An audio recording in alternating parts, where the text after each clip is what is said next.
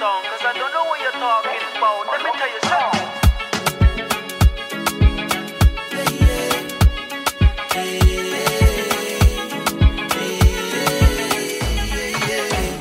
Kelsey, goedemorgen. Goedemorgen. Bijzonder onderwerp wat we gaan aansnijden. Eh, ja, je vroeg me net of ik het spannend vond. Klein beetje.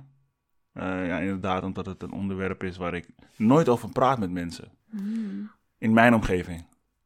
Eh, het is ook een behoorlijk kwetsbaar onderwerp, toch? Ehm, maar hoe zal het komen dat het zo weinig wordt besproken? Nou, wil ik eigenlijk eerst, eerst nog een vraag eh, terugstellen. Van wat versta jij dan, waarom noem je het kwetsbaar? Een kwetsbaar onderwerp. Nou, omdat ehm, je vaak naar binnen gaat. En, Ja. het, en het brengt herinneringen op die bepaalde mensen hebben weggestopt. Of bewust niet over willen praten, omdat, ze, omdat het ook bepaalde gevoelens kan eh, opbrengen. Zeker als je het rouwproces niet helemaal goed bent doorlopen. Waardoor ik me heel goed kan voorstellen dat één persoon het best wel lastig vindt om wel eens te beginnen over het onderwerp. Of om te beginnen met, hey, eh, hoe voel je nu nu je jouw kind bent verloren? Of hoe voel je je nu dat jouw moeder er niet meer is? Ehm, dat zijn vragen die ik eigenlijk nog, nog nooit heb gehoord in mijn omgeving. Ja, Ehm, dus vandaar dat ik zeg, het is een best kwetsbaar onderwerp. ja. Ja, en er komt natuurlijk vaak eh, pijn bij. Oké? En daar willen we natuurlijk vaak ook van afblijven. We Mm. willen iemand anders niet pijn doen. Hm. Dus om dan iets te benoemen, te bevragen, op te rakelen, dan zijn we heel bang om eh, die ander dan in pijn te brengen. Hm. Dat is één onderdeel daarvan. Ehm, maar het andere onderdeel is ook het, het verliezen van dierbaren of het rouwen in het, in het algemeen. Dat hele proces is zo persoonsgebonden. Hm. Iedereen doet dat helemaal op zijn eigen manier. Je komt in contact met zoveel verschillende gedachten en emoties. Ja. En dat komt niet vaak overeen met het beeld dat wordt geschetst in de maatschappij. Hm. Bijvoorbeeld als je kijkt naar films, eh, series, hoe daar rouw geschetst wordt. Dan is iedereen in het zwart, met zo'n netje voor het ogen. Ehm, je bent heel verdrietig en je doet de komende tijd helemaal niets. Maar wat als je dat niet voelt? Wat als je niet voelt dat je de hele dag in een hoekje van de bank wil zitten? Mhm. Eh, of dat mensen inderdaad denken van waarom lach jij? Want je bent net je kind verloren. Hoe kan dat? Er zijn heel veel aannames. En eh, een, een standaard beeld hoe men zou moeten rouwen. Creëren wij zo dan ook onbewust een, een, een, een negatief leven? Als je aan het rouwen bent? Door alles wat wij te zien krijgen? Zou kunnen. Het kan. Als jij vindt dat eh, rouw betekent dat jij moet huilen, maar je huilt niet, dan gaat het natuurlijk weer, dat terug naar jezelf. Ja, kan je ook denken van, wat is er mis met mij? Precies, ja, precies. ja, ja, Eh, en nou goed, en met alle gevolgen van dien. Dan krijg je Mm. natuurlijk die onzekerheid en dan trek je natuurlijk inderdaad weer negativiteit meer aan. Terwijl als jij je natuurlijk sterker voelt, ehm, dus in de zin van zelfvertrouwen en ehm, je laat je emoties eruit, dan hoeft het inderdaad niet zijn dat je zozeer een negatief leven schetst. Maar er komt wel heel veel twijfel bij op het moment dat je het niet volgens bepaalde standaarden of eh, maatschappelijk beeld Ja. doet. Ja, mooi. We zijn al, we zijn al begonnen. Ehm, maar misschien is het toch wel even handig als je even kort zou willen vertellen wie jij bent Ja, en wat jij doet. Ik ben eh Kelsey Kostond. Ik ben rouwcoach. Ehm, en dat houdt vooral eigenlijk in dat ik eh, mensen dus begeleid wanneer eh, zij te maken hebben gehad met een verlies. Dat kan zijn een verlies van een dierbare, het verlies van een relatie eh, of verlies van een gedeelte van jezelf. Op het moment dat je misschien hè, op een andere manier naar jezelf aan het zoeken bent. En daar begeleid ik ze in. Ehm, daarnaast doe ik ook nog allerlei hele mooie projecten. Mhm. Ehm, heb ik verschillende opdrachten ook, eh, bijvoorbeeld bij de Hartkliniek.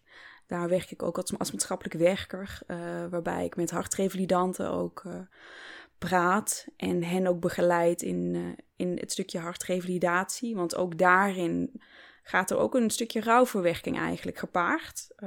Op het moment dat jij nieuws krijgt dat jouw hart het niet zo doet zoals jij zou willen. Mhm. En je moet ineens een andere leefstijl gaan creëren. Bijvoorbeeld als je, dat je altijd een hele harde werker was en nu moet je ineens wat rustiger aandoen, want je hebt een lekkende hartklep bijvoorbeeld. Mhm. Dan betekent dat dat je een leven die je had ook moet achterlaten en dat je dat moet gaan veranderen. Mhm. En daar gaat ook een heel verwekkingsproces aan vooraf. Mhm. eh, of mee gepaard. Ook het vertrouwen krijgen dan ook weer in je lichaam. Want ineens eh, doet het het niet inderdaad zoals, eh, zoals je zou willen. Eh, Zoals je gewend bent. ja, Oké, dus, dus nou, zoals je dacht dat het zou zijn. ja, ja.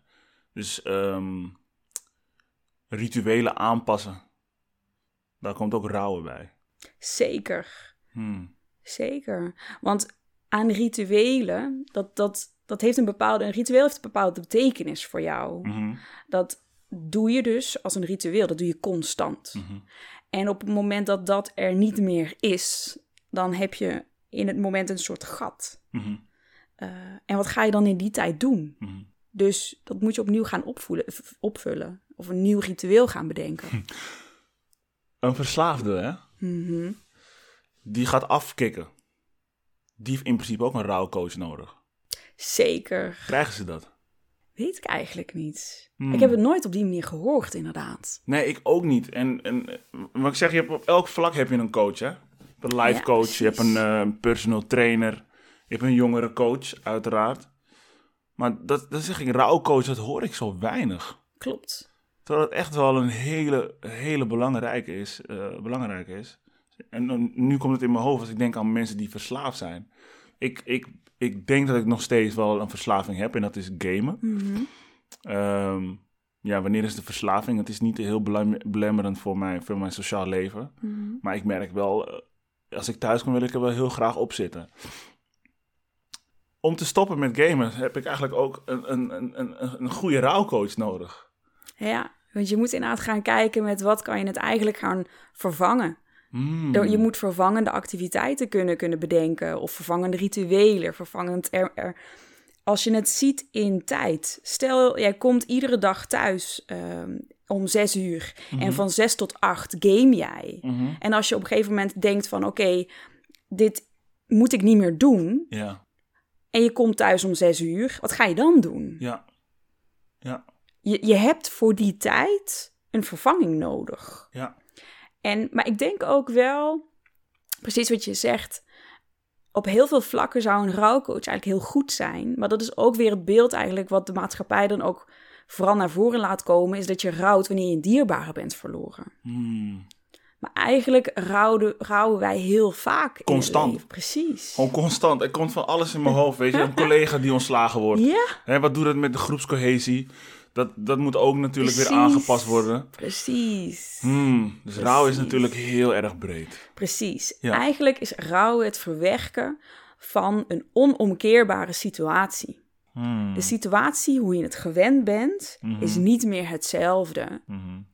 Daar moet je aan werken. Daar Ja. moet je aan wennen. Ja. Als iemand ontslagen wordt, dan moet daar of een nieuw persoon voor in de plaats, Ja. of andere mensen krijgen andere taken. Maar het gat wat iemand achterlaat, moet weer opgevuld worden. ja. Hoe is het begonnen bij jou om, om je te verdiepen hierin? Ik ben eh, drie jaar geleden mijn eh, man verloren. Hij is overleden na een eh, ziekteproces Dat van je, anderhalf jaar. Oké. En ik heb dat proces zo bewust doorlopen. Ik vond het zo bijzonder om dit helemaal met hem door te maken. Mhm. En ik kreeg daar ook die feedback op. Dat mensen eh, het heel bijzonder vonden hoe wij daarmee omgingen. Met het Mhm. hele ziekteproces eh, en, het, en het overlijden ook.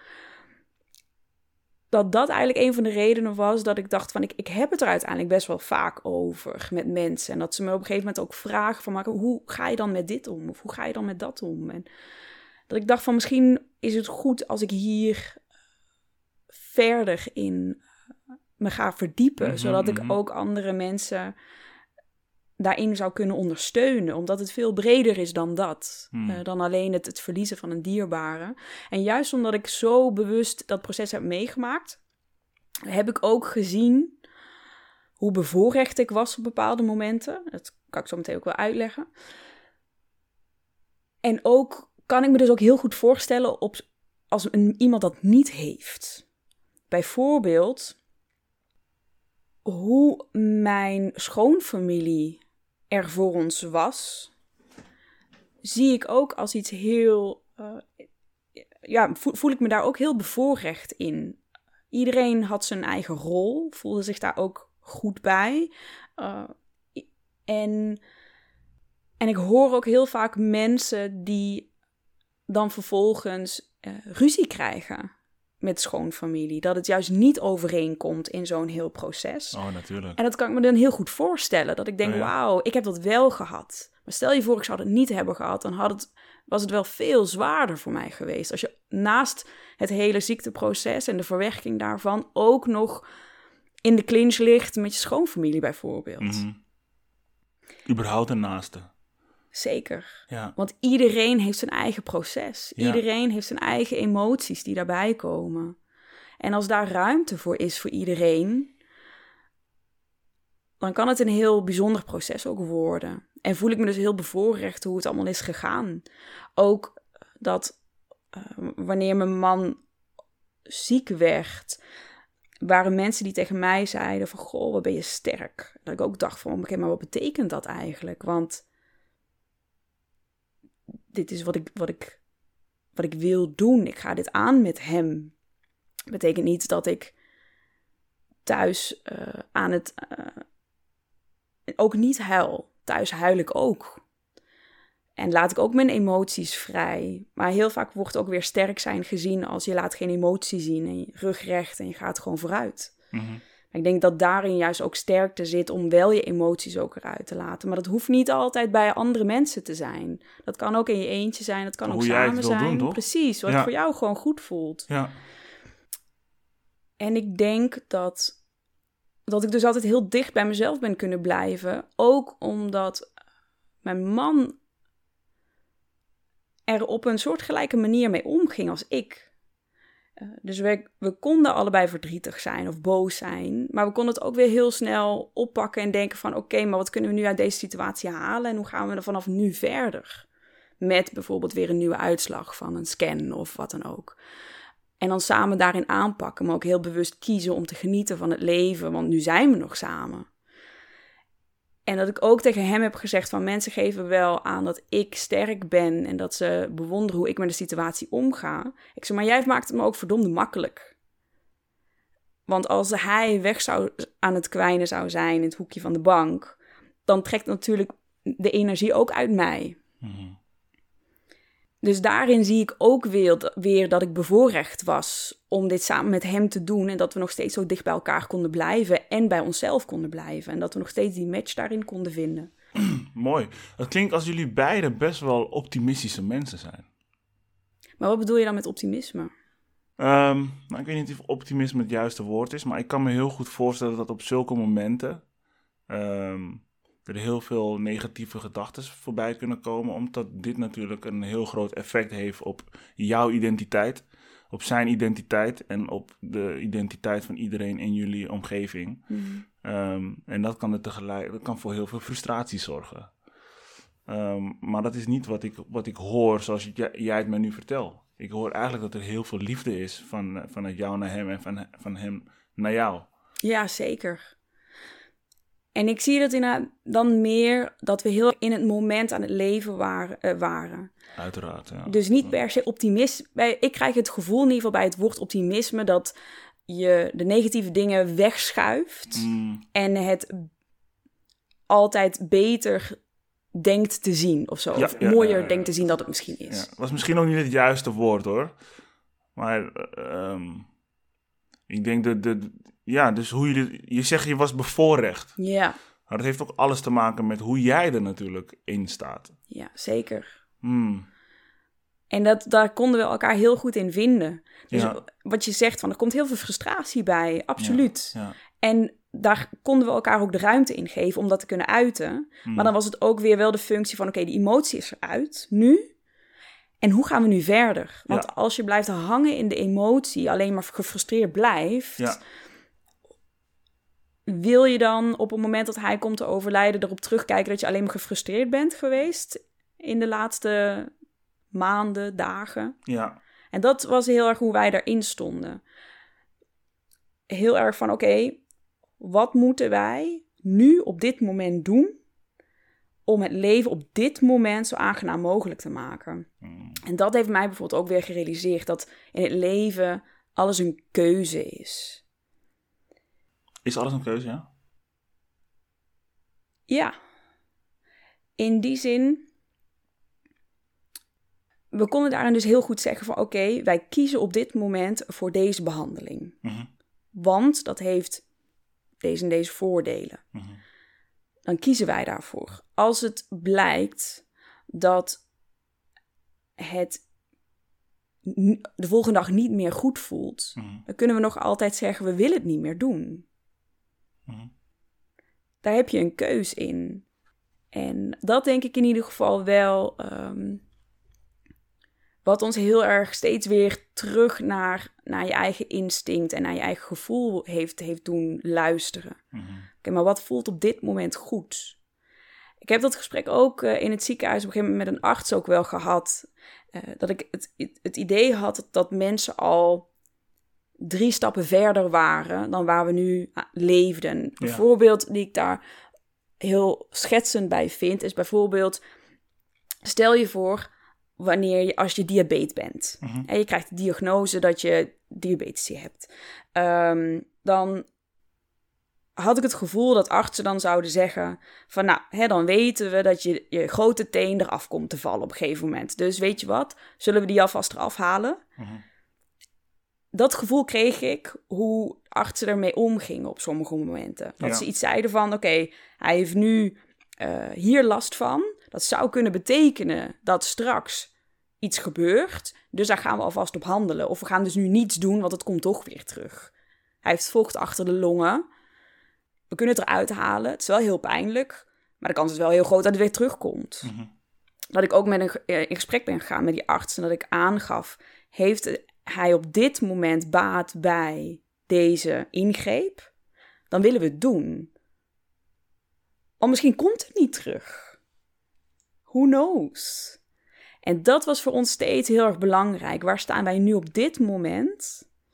En hoe kunnen we het nu op dit moment zo aangenaam mogelijk maken? En ik denk ook door op die manier dat hele proces in te gaan, dat ik nu er ook op terug kan kijken met een blik dat we alles hebben gedaan zoals het goed voelde voor ons. En ik dus niet meer met vragen zit als had ik maar dit gedaan of wat als we toch die behandeling hebben gedaan. Nee, want ik weet waarom we het wel en niet hebben gedaan. Mhm. En dat geeft ook heel veel rust. Mhm. Mooi dat je dat zegt, gewoon van eh, als, als iemand er nu baat bij heeft. Ehm, ja, je denkt niet vanuit angst, eigenlijk. Dus dat is een beetje wat ik zie als je, als je een beetje te veel aan de toekomst denkt of mee bezig bent, dan is het ook een beetje angst. Mhm. Eh, omdat je bang bent om nu iets kwijt te raken en dat wil je natuurlijk zo lang mogelijk behouden. Ja. Dat vind ik een hele mooie. Hoe voelde het voor jou het moment dat jij wist dat die kans er is dat je je man gaat verliezen? Dus eigenlijk het moment dat jij te horen hebt gekregen dat hij ziek is. Nou, het moment dat, dat ik te horen had gekregen dat hij ziek is, was ik nog niet daar met mijn hoofd van, oh, hij komt misschien te overlijden. Oké, Het was heel erg van, wat staat ons nu te wachten? ja. Mag ik vragen waar hij aan is overleden? Aan kanker. Ja, speekselklierkanker. Oh, wauw. En, en ik, ik, ik weet nog dat ik heel erg met vragen zat van, wat, wat gebeurt er dan nu allemaal? Hmm. En mijn moeder heeft zelf ook eh, kanker gehad, jaren geleden. En toen weet ik nog dat die dag dat, dat, ik, dat, dat ik het nieuws kreeg, toen belde ik naar huis. Mhm. Eh, en ik, ik kan heel goed praten met mijn moeder. Mhm. Dus ik dacht nog op dat moment van, oh, als mijn moeder oppakt, dan kan ik even met haar hierover praten. Maar tegelijkertijd, terwijl de telefoon overging, dacht ik, maar misschien is het eigenlijk wel heel goed als mijn vader nu oppakt. Want hij is ook degene geweest die daarnaast st- stond, wat ook nu mijn rol is. En toen pakte mijn vader op. Dus toen dacht ik, oh ja, dan, dan is dit nu een gesprek wat ik met hem moet hebben. Dat is wel heel toevallig. Ja, dat, is- Zo. zo werkt het toch? Ja, zo werkt, het, zo werkt het universum inderdaad, ja. Ja. Wauw. En, en toen heb ik een heel bijzonder gesprek gehad. Ik kan zijn woorden niet meer specifiek terughalen, maar wel het gevoel Mhm. en de rust die ik daardoor kreeg van we gaan dit gewoon stap voor stap aan. En mijn man, ik, ik ga heel erg kijken hoe hij hiermee omgaat. Ja. En hoe ik hem hierin kan ondersteunen. Dat is mijn rol nu, om hem te ondersteunen. En dan tegelijkertijd ook bij mezelf luisteren van oké, wat doet dit dan met mij? En hoe kan ik die twee dingen op elkaar afstemmen? En toen had ik wel meer houvast van oké, nou dan, dan gaan we dit aan. En vanaf dat moment ook bij ieder gesprek in het ziekenhuis en alles, ik, ik was erbij. Zodat ik, ik denk dat dat ook wel een gevoel geeft dan van functie hebben. Heel veel Ja. mensen hebben het gevoel wanneer iemand ziek wordt, ook dat machteloze gevoel. Hmm. Ik kan iemand niet helpen, ik kan iemand niet genezen. Hmm. Maar op het moment dat je het gevoel kan hebben dat je iets bij kan dragen, hoe klein het ook is, helpt het wel in je verwerking ook. Daarom dat ik het ook heel belangrijk vond voor zijn moeder en zijn broer, dat zij ook een functie hadden. Dat ze het gevoel hadden dat, dat we hen ook nodig hadden. Hmm. In plaats van dat ik het allemaal alleen zou doen. Dat gevoel wilde ik ze absoluut niet geven. Hmm. Want ik ben niet zijn moeder, ik ben niet zijn broer. Dus die rol kan ik nooit innemen. En betrok ik ze ook altijd heel erg daarbij. Heel mooi. Ja, ik denk dat iedereen natuurlijk wel betrokken wilt zijn eh, op hun manier. Je, hebt, je hebt er ervaring mee. Ehm, je bent weduwe. Dus je hebt, eh, je hebt moeten rouwen. Ehm, en je hebt ook voor zijn dood, heb je ook al kunnen rouwen. Ja, Ik denk dat je ook wel te maken krijgt met mensen die, waar het toch even wat anders is. Hè, die, ehm, een moeder die haar, eh, ja, die een kind moet begraven omdat haar kind is eh, doodgeschoten. ja. Ehm, hoe gaat dat rouwen? Het, het grote verschil daarin zit hem in het startmoment, wil ik zeggen, Mhm. van het rouwproces.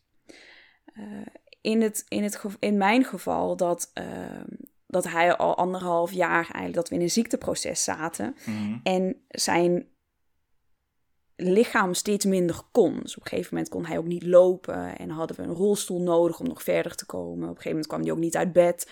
Dus je leert gaandeweg op een gegeven moment van kleine gedeeltes van hem al, dat ben je al aan het verwerken. Mhm. Het feit dat wij niet meer zomaar op vakantie kunnen omdat hij in een rolstoel zit, dat, dat moet je verwerken. Ja. Op een gegeven moment, op, eh, in de laatste weken, Dus als ik heel even mag onderbreken, als ik het goed begrijp, begint het rouwen daar in principe ook al. ja, precies. Ja, want er zijn bepaalde dingen die je niet meer kan doen. Precies. Of die je anders moet gaan doen dan Ja, dat je het gewend Ja, ja, bent. ja, ja, ja, ja, ja, ja, inderdaad. Want het is nu weer een nieuwe, onomkeerbare situatie. Mhm, mhm. Dus op een gegeven moment kan ik me ook nog heel goed herinneren dat toen hij niet meer uit bed kon komen, dat ik in de woonkamer zat en ik keek naar de slaapkamermuur en dat ik dacht, je bent er wel, maar eigenlijk ook weer niet. Want hij maakte niet meer deel uit het, van het hele huis. Mhm. Want hij was alleen nog in de slaapkamer. Dus in het, moment dat hij overleed, in de dagen daarna, had ik ook niet het gevoel dat ik in een leeg huis binnenkwam. Want hij maakte al niet meer deel uit van het hele huis. Ik had dat stukje al verwerkt. Ja. Dus dat besefte ik me eigenlijk heel goed. Mhm. En dat is ook het hele grote verschil wanneer iemand plotseling komt te overlijden.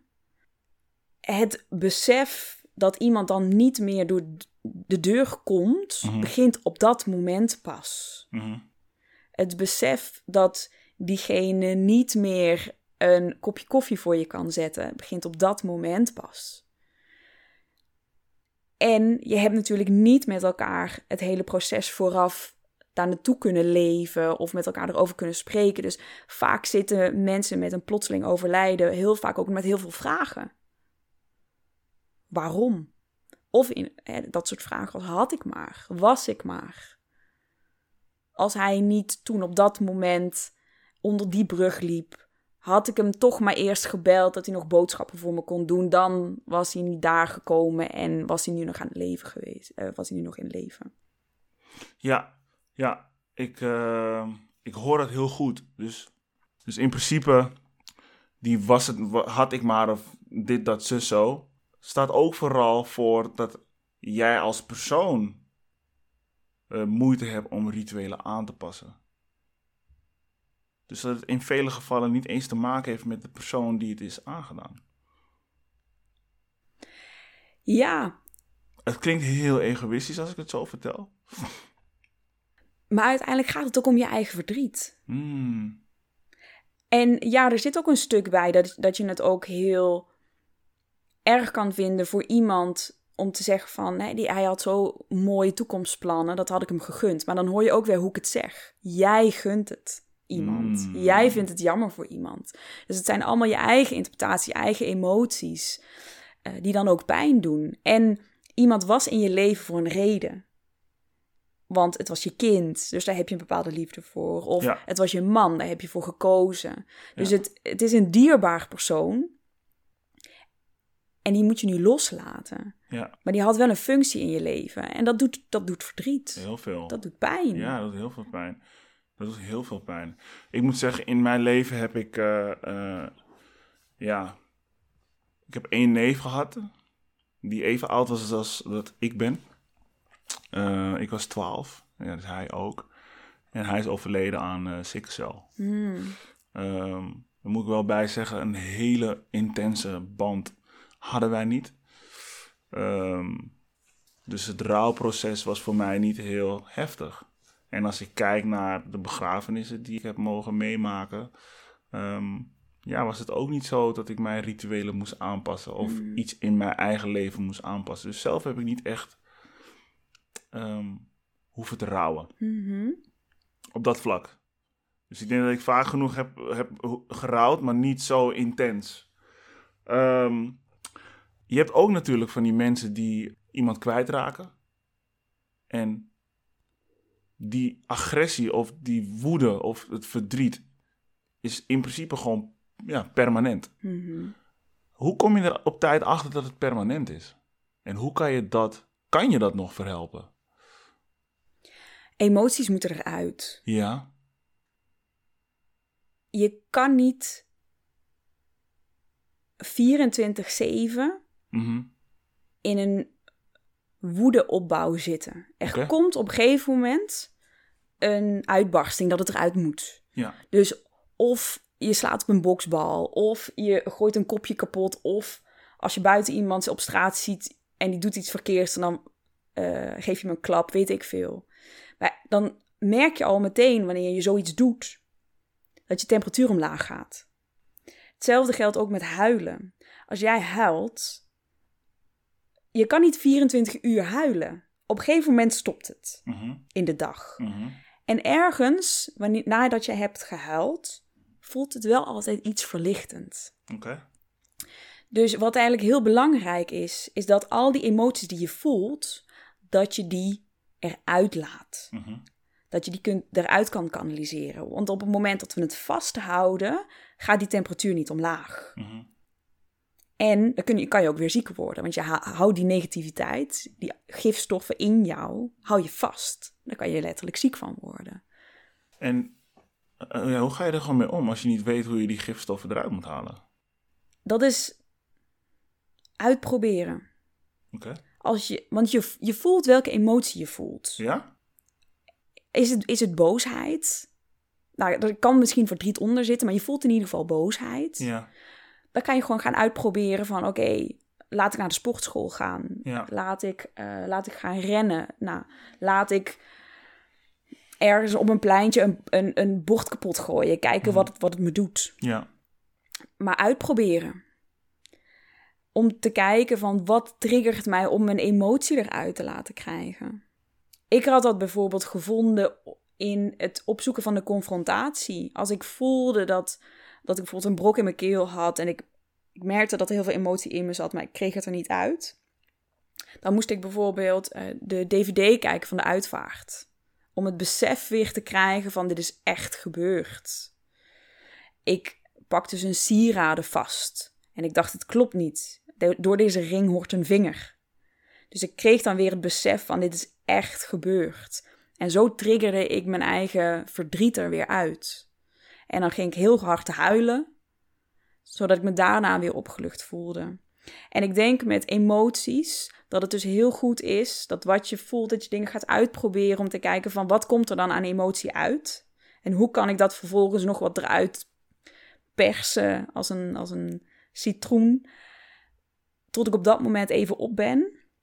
En dan kan je weer eventjes gewoon doorgaan, totdat je het weer voelt, dat je weer belemmerd wordt door je emotie. En ik denk dat dat vooral ook heel belangrijk is met rouw, want vaak hoor je mensen zeggen: je moet een plekje geven, eh, je moet het loslaten, uh, heb je het al verwerkt?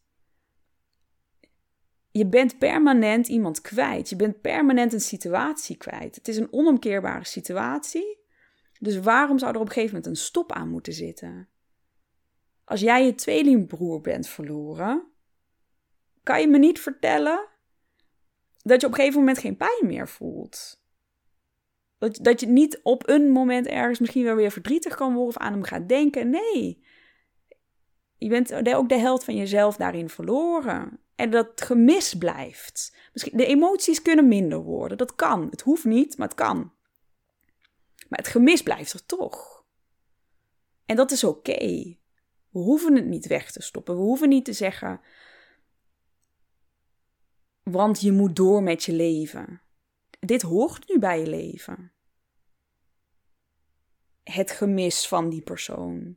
En ik denk dat het dan vervolgens gewoon heel belangrijk is dat je door het ventileren van je emoties op een plek kan komen. Dat je uiteindelijk meer rust bij jezelf kan vinden. Om uiteindelijk te, herinneringen te kunnen koesteren. Ja. En dankbaar te zijn dat die persoon er was. Dat die situatie er is geweest. Misschien ook wel. Dat die persoon je heeft laten groeien. Zeker. Ja. Maar ook wanneer het bijvoorbeeld een hele vervelende situatie is geweest. Laten we zeggen, er heeft huiselijk geweld plaatsgevonden en je neemt afscheid uh, van, van je moeder. Als in dat je gewoon geen contact meer hebt. Ja. Dan kan je een wrok blijven houden. Maar je kan ook denken van, wat heeft het me ook gebracht? Ja. En als je op die plek kan komen om te kijken van, oké, wat kan ik hier uithalen? Want daar groei je dan ook weer door dan hou je geen wrok vast. Ik heb twee vragen hierop. Hè? Um, ik denk, laat me dat meteen stellen. Maar je geeft aan, oké, ehm, als je die emoties voelt, ze moeten eruit. Ja. Ze mogen eruit. Laat het ook gewoon eruit. Hè? Je hebt dag één, je voelt die emotie. Je laat die tranen eruit. Het voelt eind van de dag goed.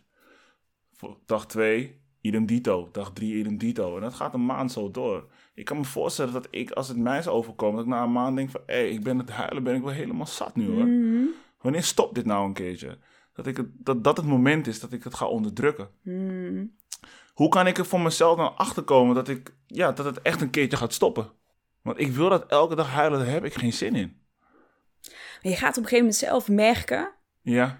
dat het niet meer elke dag is. En ik denk dat het hem ook heel erg zit op dat moment in zien wat de kleine stapjes zijn daarin. Oké, dus je moet die progressie wel zeker weten in de gaten houden. Ja, dus stel, als jij begon met vijf keer per dag huilen... Mm en aan het eind van de maand doe je één keer per dag huilen... Mhm.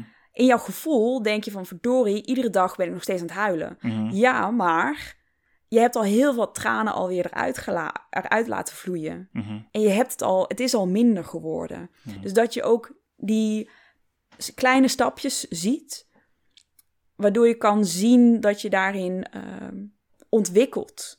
En dat versterkt ook weer natuurlijk opnieuw je ontwikkeling. Ja. Want we hebben allemaal succeservaringen nodig. Ja, ja, ja. En nu we het ook over emoties hebben, wat, wat ik ook wel heel belangrijk vind om daarin te benoemen. Sommige mensen voelen geen boosheid, voelen geen verdriet wanneer iemand komt te overlijden. Mhm. Ik heb ook iemand gesproken die dat ook kon zeggen van, ik, ik mis de personen, absoluut. Alleen huil ik er niet om.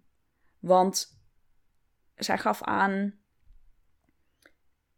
ze zijn er niet meer. Ik kan Mhm. dat heel goed relativeren, maar natuurlijk mis ik ze als persoon, maar ik huil niet. En ze, ze nam zichzelf dat kwalijk. Hmm. Want dat is ook weer het beeld dat we hebben, is wanneer je iemand verliest of een Kan dat nou? ingrijpende situatie van waarom huil jij niet? Dat moet eruit. Ben je helemaal, eh, Precies. ben je helemaal lekker, of niet? Precies, ook, en dan kom je weer terug waar we het begin van het eh, gesprek ook over hebben. Dan ga je aan jezelf twijfelen. Ja, ja, ja, ja, ja, ja. ja. Maar als jij een bepaalde rust in jezelf kan vinden, Mhm. mag dat er ook uit zijn. Sommige mensen kunnen opgelucht zijn als iemand er niet is of als er een grote verandering plaatsvindt. Dat is ook een emotie. Dat mag er ook uit. Dat is ook oké. En dat is voor mij het belangrijkste bij rouwen. Ontdek daarin je eigen proces en leun daar helemaal in. En het is oké. Heeft het te maken met zelfliefde? Ik wil eerder zeggen, het begint bij zelfbewustzijn. Mhm. En dan kan je kijken inderdaad op welke manier je zelfliefde daarin verder ook kan groeien. Maar op het moment dat je, dat je na het bewustzijn er is om te kunnen voelen überhaupt... Mhm. en te kunnen onderzoeken van oké, ik voel iets. Dan kan je ook kijken van oké, wil je dan voor jezelf gaan zorgen? Heb je dan inderdaad de liefde voor jezelf om daarvoor te gaan zorgen? Er zijn ook genoeg mensen inderdaad die woede voelen en vinden dat ze altijd boos moeten blijven. Want ze hebben iemand iets anders aangedaan bijvoorbeeld. Ja. Of voor die ander Ja. blijf ik in deze staat. Ja, precies. Ja. En daar heb ik een, ehm, eh, een, een quote van Oprah die ik heel interessant vind Mhm. over vergeving. Zij heeft een keer gezegd: Forgiveness is giving up the hope that the past could have been different. Shish. kan je die nog één keertje Ja, herhalen ik zal hem even gewoon in het Nederlands eh, uitgebreider uitleggen. Dus dat vergeving betekent dat je de hoop moet opgeven dat het verleden anders had kunnen zijn. Hmm. Heel mooi trouwens. Je moet er even over nadenken, dan, dan Ja, zinkt deze hij ook steeds. ook ja, gewoon- toch? Dan zinkt hij steeds dieper. ja, Maar je ja. hebt heel vaak mensen, dat komt ook bijvoorbeeld uit, uit religie, komt dat steeds ook naar voren. Je moet mensen vergeven. Mhm. Vergeef jezelf, vergeef de ander. En hoe wij het woord vergeven gebruiken in de maatschappij, is het heel vaak dat je het gevoel krijgt Mhm. dat je een bepaalde situatie dan moet goedkeuren. Mhm. Jij hebt me dit aangedaan, maar ik vergeef jou. Mhm. Het gevoel wat je krijgt is dan dat je denkt van ja, maar ik keur niet goed wat je mij hebt aangedaan. Ja.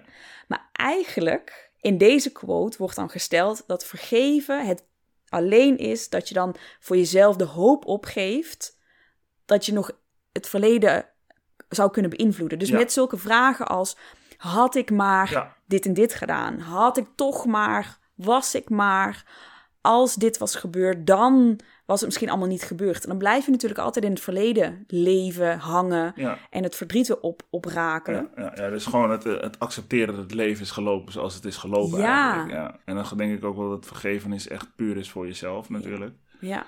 Want ja, als ik, als, ik, als ik boos ben op jou omdat jij iets hebt gedaan, dan is het mijn emotie. ja. Het is een emotie dat ik opsla in mijn lichaam. Daar heb je helemaal niks mee te maken. Ja, Dus ik kan zo lang boos blijven als ik wil op jou, maar jij hebt daar niets aan. ja, Alleen het is wel, eh, wel behoorlijk schadelijk voor mij. ja, zeker. Mooie quote, hè? Oprah heeft sowieso van die, eh, eh, ja, van die fantastische quote. hey, jij doet ehm, eh, niets met kinderen? Nee, ik, ik, ik werk wel bij Funtrex. Ja. Dus indirect werk ik in ieder geval wel met, met kinderen. Ja. Ehm, Ja, maar je bent geen rouwcoach voor, voor kinderen. nee, nee. nee, nee. Dus ik, ik, ik praat inderdaad vooral met, eh, met volwassenen. Ja. In. Ehm, vind je het inter- zou, het, zou het je interessant lijken om met kinderen te werken? Ik vind het, ehm, ik vind, mijn, mijn passie ligt gewoon veel meer bij de volwassen doelgroep. Ja? Ja, Oké. ik vind het daarin voor mezelf eh, veel makkelijker om te kunnen praten, om te kunnen levelen. Ja, ja, die eh, snap ik dan, wel, dan ja. met kinderen. Daar heb ik een bepaalde vertaalslag nodig, Ja. ehm, waar gewoon mijn passie niet ligt. Nee, die snap ik. Die Dus begrijp dat- ik heel goed. Ja, Weet je, ik kom altijd, er poppen allerlei ideeën in mij op. En dan denk ik natuurlijk ook over kinderen die te maken hebben met ouders die gaan scheiden. ja, En zeker naar mijn idee in deze tijd waar wij in leven, Ja. eh, scheiden ouders veel sneller. ja. Maar ik heb daar geen onderzoek naar gedaan, dus het is Mm. puur eh, wat ik denk. Maar wat, wat denk jij daarover? Dat zij rouwcoaching nodig hebben. Ook en dat ouders gewoon veel meer eh, weer scheiden dan voorheen. Ik denk zeker wel dat, dat in de huidige tijd het, het steeds makkelijker wordt om die keuze te maken. Kijk, vroeger was natuurlijk ook de invloed van religie bijvoorbeeld veel groter. Ja, ja, ja. Eh, Dus, dus, en, en was er ook veel meer schande in de familie op het moment dat je zou eh, scheiden. Ja. Waardoor mensen het veel minder snel deden. mhm. En ik denk dat dat stukje nu er veel. eh, dat je bekender raakt met, met andere religies, andere gedachtegangen. Dat het wel daardoor steeds sneller aanvaard wordt dat iemand gaat, gaat scheiden omdat het Ja. niet werkt. ja. Dat denk ik wel. Ja, helder. Ehm, heb jij enig idee hoe de farmaceutische industrie reageert op rouw? Nee, weet ik eigenlijk niet. Oké? Je snapt de vraag wel, denk ik. Nou, leg hem vooral nog, nog uit. Nou, ik, in, eh, als mensen rouwen, om wat voor reden dan ook, eh, komen er natuurlijk bepaalde gevoelens Mhm. omhoog. En sommige mensen willen, eh, ja, die gevoelens bekijken, die willen er wat mee doen. En sommigen willen het gewoon onderdrukken, want ja, het leven gaat ook gewoon door. Er moet gewerkt worden, kinderen moeten verzorgd worden, et cetera, et cetera. Ehm, dus dan kan ik mij ook voorstellen dat de farmaceutische industrie zoiets heeft van, oké, waar heeft deze meneer of mevrouw last van? Mhm. Misschien kunnen we gaan kijken hoe we dit symptoom kunnen bestrijden. Mhm. Misschien kunnen we hier geld op verdienen. Mhm. Ehm, maar je hebt geen idee wat voor eh, manier dat zou kunnen zijn. Nou goed, ehm, Antidepressiva. Ja, precies, dat wou ik net zeggen. Ehm, bijvoorbeeld, wat, wat er bij rouw ook komt kijken, zijn er natuurlijk ook lichamelijke klachten. Er bestaat ook Mhm. zoiets als het broken heart syndrome. Dat je, Wat is dat? dat je echt, dat, dat je ha- echt hartpijn voelt. Oh ja? Dat er ook, eh, want, want je hart heeft, heeft elektrische activiteit. En daar kan Mhm. een soort van shock in raken. Mhm. Ehm, en, en dan voel je daadwerkelijk hartpijn. Alsof Mhm. je bijna een hartaanval zou, zou hebben. Maar Oh, dat is alleen niet zo. Ja. Dus, en dat, dat kan je ook uiteindelijk zien. Bij bepaalde testen kan je ook zien of, of dat is gebeurd. Mhm. Maar als je daar dus inderdaad niet be- bekend mee bent, dan kan je inderdaad ook in, ineens in een hele, hele circuit terechtkomen natuurlijk om je hart te gaan onderzoeken. Mhm. En ik denk wel dat dat in de farmaceutische industrie onderschat wordt hoe belangrijk het is met het rouwen om dat die emoties allemaal echt uit te laten. In plaats van steeds te kijken naar, oké, eh, je hebt daardoor slapeloze nachten, hier heb je een slaappil. ja. Ik hoor je zeggen onderschat. Ik weet niet of, het, dat, het, of dat het is, hè, onderschat. Want dat is, met, dat is meteen een, een goede manier om geld te verdienen. Ja, Hè, wij mensen kennen ons lichaam toch niet zo goed. Dus laten we ze dit en dit en zus en zo meegeven. zeker. Dus het is wel een... eh, eh, Ja, ik, ik wil hier meer van weten. Ja. Wat zijn de rouwfases? Nou, er- je hebt twee verschillende. Mhm. Eh, je, hebt, je hebt inderdaad de rouwfase. Mhm. En dat wordt meer omschreven in de emoties. Eh, Mhm. je, je begint met ontkenning, dan ga je naar boosheid, verdriet. En nou goed, dus, dus meer van het idee van dit overkomt je en dit is de route die, die je gaat door, doorlopen. Mhm. Maar hoe ik in het begin ook al zei, voor iedereen is dit zo persoonlijk Mhm. hoe je dat doormaakt, dat ik niet achter sta achter de fase.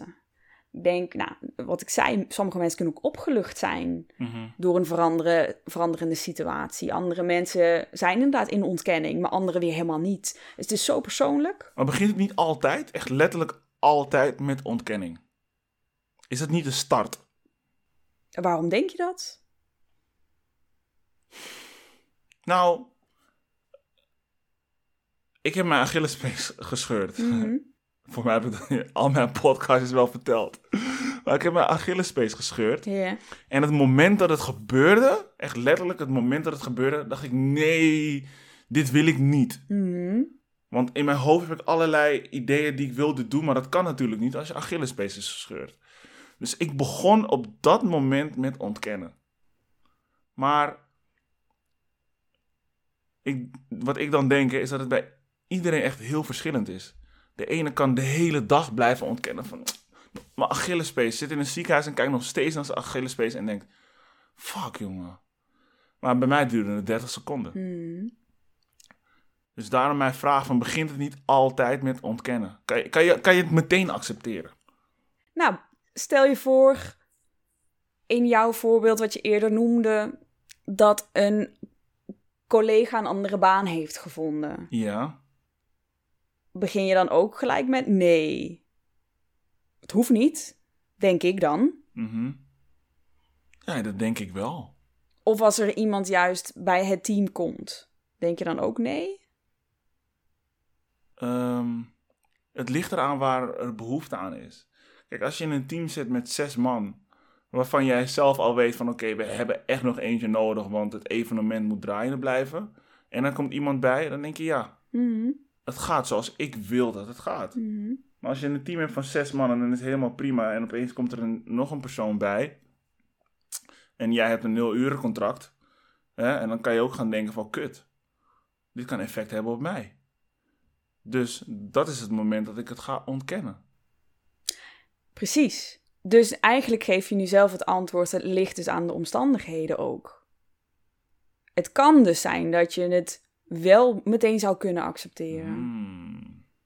Ik denk niet dat het 100% is. Ja, maar als we het hebben over het woord verlies. Mhm. Hè, verlies. Als het voelt als verlies, dan denk ik dat het altijd begint met ontkennen. Als het niet voelt, dat is. Mhm, ja. Ik kan het helemaal Ja. fout hebben. Ja, ja. Maar als het niet voelt als verlies, dan voelt het als, een, als winst. Dat ga ik niet ontkennen. Ja. Ehm, dus dat is een beetje. Mhm. Ik, ik wil er meer gewoon ook voorzichtig in zijn. Ik, ik, ik kan me heel goed voorstellen hoor, wat, wat je zegt. Ja. Dat het altijd wel, al is het een split second, Mhm. dat wanneer je iets kwijtraakt, denk je nee. Maar dan denk ik ook weer, is dat dan ontkennen? Als jij ook zegt van nee, ik wil niet dat mijn Achillespees dit doet, dan is het ook iets van willen. Maar niet dat je het ontkent van het is er niet. Je had het misschien liever niet gewild. Is dat dan ook ontkennen? Hm, goeie. Ja, ik denk het. Ja, ja, ja. Denk het, ja, dat, dat- is pijn, Ja. toch? Goeie. Ik weet het niet. Die kunnen nog over door- Nou, doorgaan. Ik, ik zal nog even teruggaan ook naar de, naar de taken. Eh, want, want ik geloof dus in die zin niet zozeer in, in de fase. Met al die emoties. Dat niet iedereen voelt het in dezelfde volgorde, op dezelfde manier. Nee. Maar waar ik wel heel erg achter sta, zijn inderdaad de rouwtaken. Mhm. Eh, die zijn beschreven door een rouwdeskundige. En eh, waarin eigenlijk beschreven wordt dat die taken, dat zijn dingen die je actief kan doen. Dus Mhm. dat geeft je ook wel weer iets meer houvast, eh, iets meer, meer kracht misschien. Van oké, wat moet ik nu doen nu ik in deze verliessituatie zit? Ja. Daarbij wordt ook gezegd, deze taken zijn ook niet opeenvolgend. Het kan door elkaar lopen. Je, het kan tegelijk lopen. Het zal zo meteen ook wel duidelijker worden. Nou, waarbij de eerste taak eigenlijk is het besef van onomkeerbaarheid. Mhm. Dus dat je gaat doordringen van het feit dat die relatie over is. Dat eh, die persoon niet meer inderdaad door de deur komt lopen. Eh, het feit dat je een keuze hebt gemaakt om bijvoorbeeld een andere religie aan te nemen dan de hele familie. Mhm. Op het moment dat je dat doet of dat er iets gebeurt, dan is dat onomkeerbaar op dat moment. En dat moet gewoon doordringen. Mhm. Accepteren. Uiteindelijk zou dat fijn zijn, maar laten we beginnen met beseffen. Oké, aha. Laten we beginnen met beseffen. Ja, ja, ja, goeie. Want vervolgens bij dat besef Mhm. komt eigenlijk taak 2, waar we het eigenlijk de hele tijd ook over hebben. Mhm. Die emoties moeten eruit. Die emoties die je voelt, moet je gaan doorleven. Ze zijn er niet voor niets. Ze hebben een functie. Je wordt boos omdat je vindt dat jouw onrecht is aangedaan, Mhm. omdat die situatie is veranderd. Je hebt pijn om een, een verlies, om iets wat van jou is af is genomen. Of wat ik zei, je bent ergens blij om dat het nu niet meer deel uitmaakt van je leven. Ja, Maar voel het, doorleef het, zorg Ja. dat het eruit komt. ja, Want ze hebben een functie. ja. Taak 3 is het instellen op verandering. Zoals we in het begin ook over hebben gehad, op het moment dat er dus iets is veranderd en een bepaald aspect in je leven is er niet meer, dan komt daar een soort van gat in de tijd te zitten. Mhm. Hoe ik het voorbeeld noemde van, stel je voor tussen 6 en 8 game je altijd en je wil dat nu niet meer doen. Mhm. Wat ga je in die tijd dan doen? Je moet je instellen op die verandering. Als jouw partner altijd de vuilnis buiten zet en hij is er nu niet meer, wat ga je nu doen? Ga je die vuilnis laten staan? Nee, je moet je instellen op die verandering. Je moet het zelf gaan doen, je kinderen vragen, de buurman vragen, maar je zal toch iets moeten doen. En anders blijft die vuilnis binnen staan met alle gevolgen van dien. Dus zo zijn we dus steeds stapje voor stapje moeten we inspelen op, eh, op de verandering. Mhm. Dat is taak 3. Mhm. En dan taak 4 is het bewaren van de herinnering. En dat is wat ik eerder ook zei, dat je uiteindelijk toe zou willen werken naar een moment dat je kan zeggen: Ik ben heel blij dat dit is geweest. Mhm. Want ik heb er dit uitgehaald. Of deze persoon heeft me dit geleerd. Of het is goed dat het in het verleden is geweest. En het is oké dat het er nu niet meer is. En dat is wel de meest niet tastbare taak. En dat komt en het gaat. In de zin van de ene moment is het, is het makkelijker om die plek te vinden. Een ander moment bijvoorbeeld op de sterfdag of een, of een bepaalde datum Ja, ja. of een bepaalde confrontatie kan het ineens weer naar boven komen. En zo zie je dus bijvoorbeeld ook dat op bepaalde momenten, als bij een overlijden bijvoorbeeld, ben je nog bezig om te beseffen dat diegene niet meer in je leven is, Mhm. maar zal je toch al aan de slag moeten gaan met die vuilnis Mhm. om je in te stellen op die verandering. Mhm. Maar misschien andere veranderingen, zoals de klerenkast van die persoon opruimen, dat duurt misschien nog wel een hele tijd voordat je daaraan toe bent. Ja. Als je het nog gaat doen. Ja. Dus zo eigenlijk, dat is gezegd wordt van die taken, ze zijn er. Ehm, je kan er actief mee aan de slag gaan, maar het loopt ook naast elkaar. Daarom ook dat je in het ene moment kan je ook vreugde voelen, tegelijkertijd dat je ook pijn voelt. Ineens die twee, die emoties kunnen ook heel parallel gaan. Ik kan niet uitleggen hoe dat voelt, hoe dat is, maar het kan. Mhm. Je, je voelt die, die parallele paden dan. Die kan ik me, ja, die kan ik me heel goed voorstellen. Hoe, ehm, hoe kijk jij naar ehm, de dood? Als iets dat sowieso gaat gebeuren. Mhm. En wanneer dat precies gebeurt, dat hebben we natuurlijk niet vaak in de hand. Nooit niet, toch? Nou ja, kan wel. Ja? Als je euthanasie pleegt of... Als je zelf de keuze maakt om, Ja. eh, precies, om ermee te stoppen. ja. Als je denkt van, het- ik heb mijn taak hier nu volbracht. Of ik heb nu ervaar te veel pijn dat ik die keuze ga maken. Dus het, het kan. Je kan Ja. het zelf in de hand hebben. Maar vaak heb je het natuurlijk niet in de hand. Heb je dat meegemaakt? Zelf nog niet. Ehm, maar wel mensen daarover gesproken die dat wel hebben meegemaakt. Ja. Die zelf eh suicidaal waren? Of Nee, eh, mensen zijn verloren. vanwege... Ja. Ja? Ja.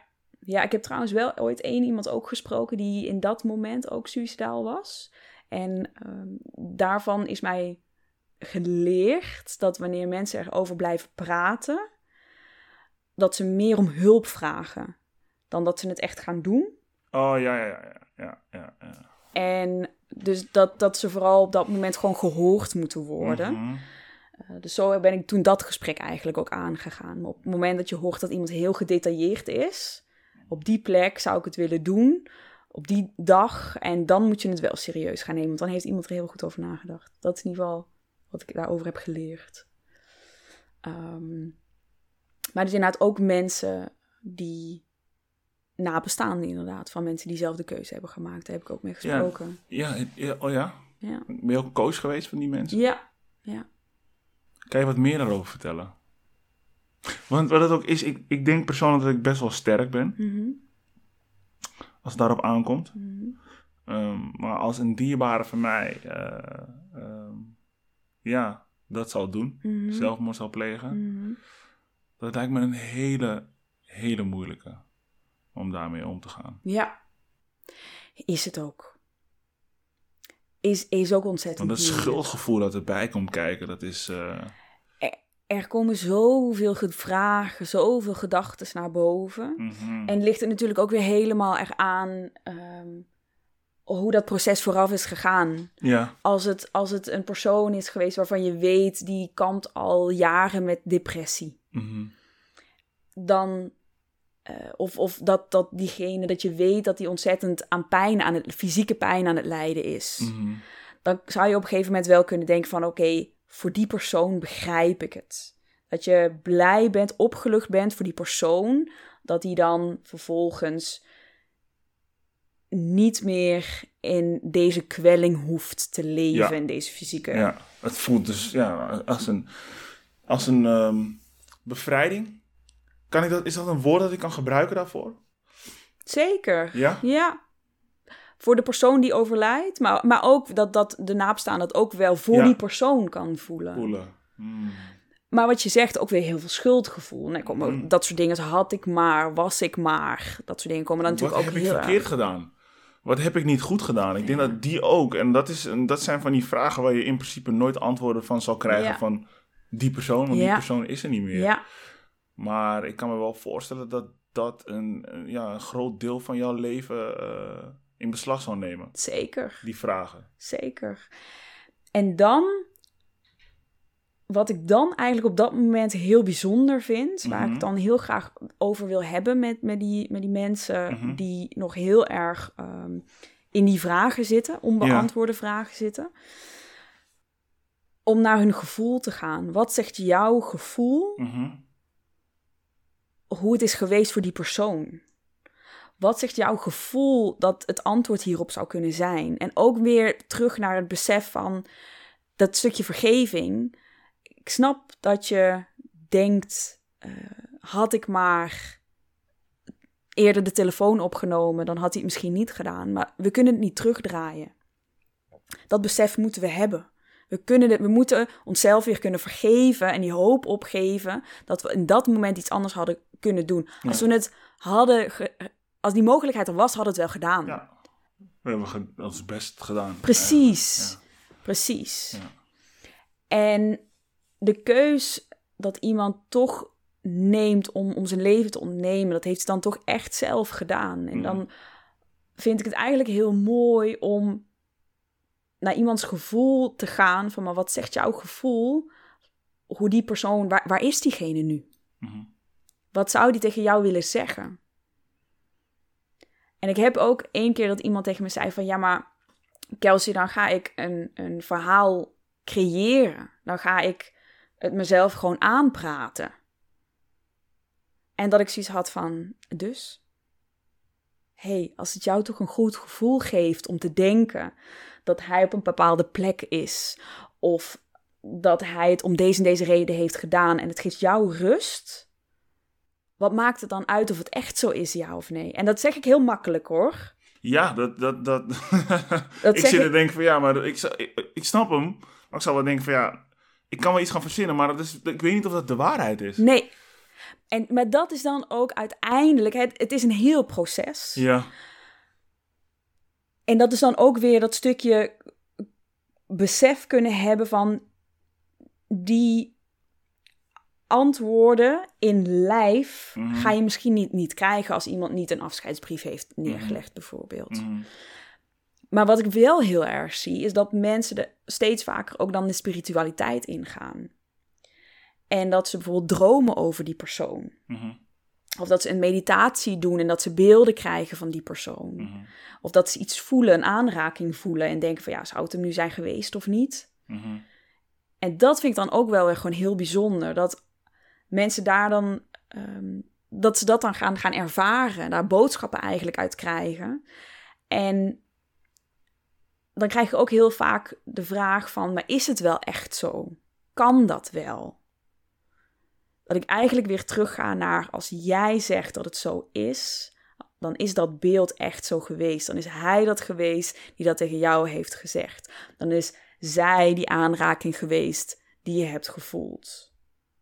Ga vooral naar je intuïtie. Wat maakt het in principe uit wie jou heeft aangeraakt? Het gaat toch om het gevoel. Ja. Het, het gaat om het Als gevoel. het gevoel goed is. Precies. Maar je haalt er geruststelling uit. Als je kan bedenken van, hé, hey, ik, ik lag in bed Ja. en ik voelde aan mijn been een aanraking. Ja. Het gaat om de geruststelling. Weet je veel van dromen? Niet wat, wat precies de betekenis daarvan is. Nee. Dat niet. Oké, dus mensen kunnen naar je toe komen van ik heb die en dat gezien in mijn droom. eh, en, en dan is het niet zo dat jij zoiets hebt van oké, ik, ik, ik weet wat het precies betekent. Is natuurlijk ook weer heel erg, eh, hoe zeg je dat? Subjectief. Ja, precies. Ik kan een gevoel uiten Ja, wat ik krijg bij die droom. ja, ja. Dat, dat is wat ik kan doen. Mm. Maar eh, als je ook gaat kijken, eh, onderzoek gaat doen naar wat dromen betekenen, Mhm. zijn er ook heel veel verschillende invalshoeken. Mm. Dus je kan natuurlijk nooit zeggen van oké, dit is het. Eh, zo moet je het dan bekijken. Maar het is wel mijn gevoel kan ik wel uiten wat ik krijg als ik die droom hoor. Weet je wat ik denk over dromen? Nou, Ik denk dat de mensen die je ziet in die dromen eh, alleen maar te maken hebben met jouw emoties, hmm, met je gevoel. Ik kan bijvoorbeeld ehm, een dame zien in mijn droom, die, waar ik bepaalde gevoelens mee heb, of voor heb. Misschien mis ik haar, of, of wat voor reden dan ook. Dan denk ik niet dat het te maken heeft met die dame, maar dat het te maken heeft met het gevoel in mij, waar ik dus aan eh, moet sleutelen. En ik denk dat wij in ons hoofd daar personen of illusies, mhm, illusies van maken. Ik heb wel eens gedroomd eh, dat ik een eh, oude vriend van mij tegenkwam. Dat ik heel goed bevriend mee was. Turkse jongen, Fatih heet hij. Zat bij mij op de basisschool. En volgens mij was hij aan het werk en ik ging langs en ik zag hem. Hij keek me aan in mijn ogen en ik huilde heel hard. Echt, alles kwam eruit. Voor mij had ik nog tranen in mijn ogen toen ik wakker werd. mhm. En ik was heel erg aan het denken van, wat, wat is hier gebeurd? Wat is hier net gebeurd? Want ik heb hem zo lang niet gezien. Ik heb nooit aan hem gedacht. Echt geen moment. Maar ik zie hem in mijn droom. Ik voel dat ik hem gemist heb. En ik heb gewoon heel veel te huilen. mhm. En dan denk ik bij mezelf, wat, wat gebeurde er? En dan, eh, ja, dan kan ik alleen maar denken van, oké, misschien voelde ik mij veilig genoeg bij die persoon om, eh, om mij helemaal los te laten. Dus dat is een beetje hoe ik, eh, Mhm. hoe ik dromen zie. Mhm. Hoe jij ze ervaart. Ja, Ja, ja. Ik vind dromen echt, eh, echt iets moois. ja, ik ook. Ja. Hoe kunnen mensen jou bereiken? Ze kunnen sowieso via Facebook of LinkedIn kunnen ze mij bereiken. Daar staat ook mijn telefoonnummer. Mhm. Dus zo kunnen ze me een appje sturen, bellen. Om, eh, om contact op te nemen. Mooi. Ja, ik hoop ook dat veel meer mensen dat, eh, dat, dat gaan doen. Als ze het gevoel hebben dat ze eh, ja, moeten rouwen. En eh, ook voor de luisteraars. ehm, ja, rouwen is niet alleen maar voor dierbaren. Dat kan ook zijn voor die auto van je die gestolen is. Of je Playstation die niet meer werkt. Dan kan ik voor Ja. bellen als mijn Playstation niet meer werkt. Natuurlijk. Kelsey, thanks. Ja, Ik vond het voor, voor mij heel informatief. Ik hoop dat de luisteraars er ook heel veel aan hebben.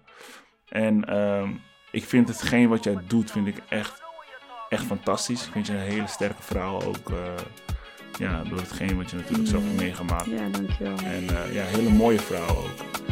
Dus ja, ik vind het echt tof wat je doet. Dankjewel. Dankjewel. Ja. Can I give you my daddy energy?